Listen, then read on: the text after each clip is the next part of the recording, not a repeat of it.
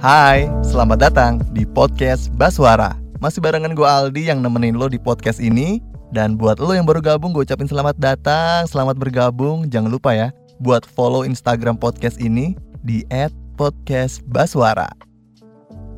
Di episode kali ini gue mau ngomongin soal cinlok nih, alias cinta lokasi. Kenapa?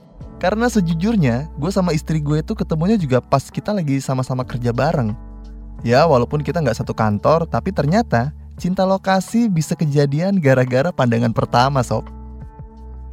Jadi gue itu kan kerja di radio dan waktu itu gue sebagai penyiar nih. Sedangkan istri gue itu kerja di salah satu label musik yang banyak menaungi artis-artis besar lah, kayak Noah, The Massive, sama Gesya gitu. Dan sekitar di tahun 2019 waktu itu kantor gue tuh lagi mau bikin event dan kebetulan nih event yang diadain sama kantor gue ini tuh mau make artis-artis dari label musik tempat istri gue kerja.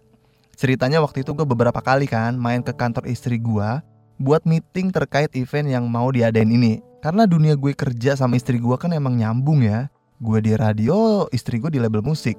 Jadi emang gue sama tim gue tuh udah kenal sama beberapa orang yang kerja di sana. Nah, pas lagi meeting di kantor istri gue, nggak sengaja tuh gue ngeliat dia. Dalam hati gue bilang, kok ini anak lucu ya? Ya maklum ya namanya cowok gitu. Ngeliat yang bening dikit langsung kepo. Dan kebetulan nih nggak sengaja papasan sama istri gue waktu itu di lobi kantornya. Nah di situ gue beraniin diri nih buat ngajak dia kenalan. Awalnya sih kenalan doang dan gak ada ekspektasi buat jalin hubungan yang lebih serius. Tapi karena beberapa kali kan ketemu soal kerjaan, gue jadi lebih sering nih komunikasi sama istri gue. Terus kalau mau ke sana tuh pasti gue WA dia tuh. Eh, gue nanti mau ke sana nih. Sekalian makan siang gak sih? Gitu-gitu deh pokoknya.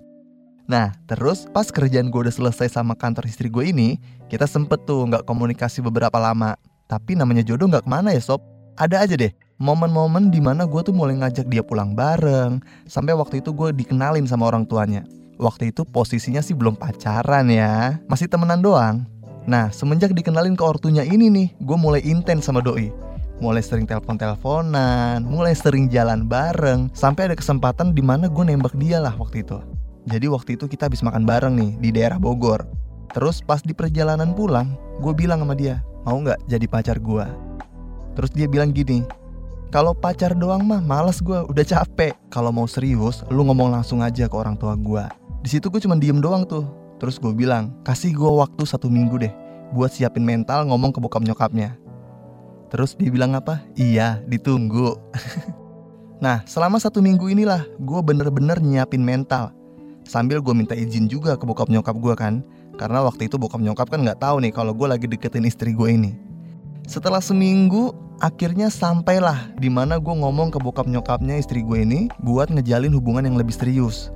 Ekspektasi gue waktu itu adalah gue ngomong sama bokap nyokapnya doang. Eh, ternyata di situ ada abang dan kakak iparnya juga. Dan gue datang ke rumahnya tuh bener-bener sendirian. Udah berasa di sidang gue. Akhirnya di situ gue ngomong lah nih ke bokap nyokapnya. Kalau gue mau menjalin hubungan yang lebih serius sama anaknya.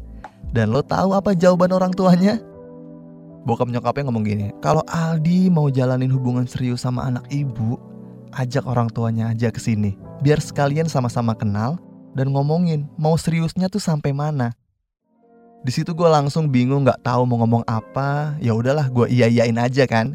Setelah momen itu, gue langsung ngomong nih sama bokap nyokap gue. Gue bilang ke bokap nyokap kalau gue tuh abis ngomong ke orang tua istri gue kalau gue mau ngejalanin hubungan yang serius. Bokap nyokap gue ya seneng aja lah ya.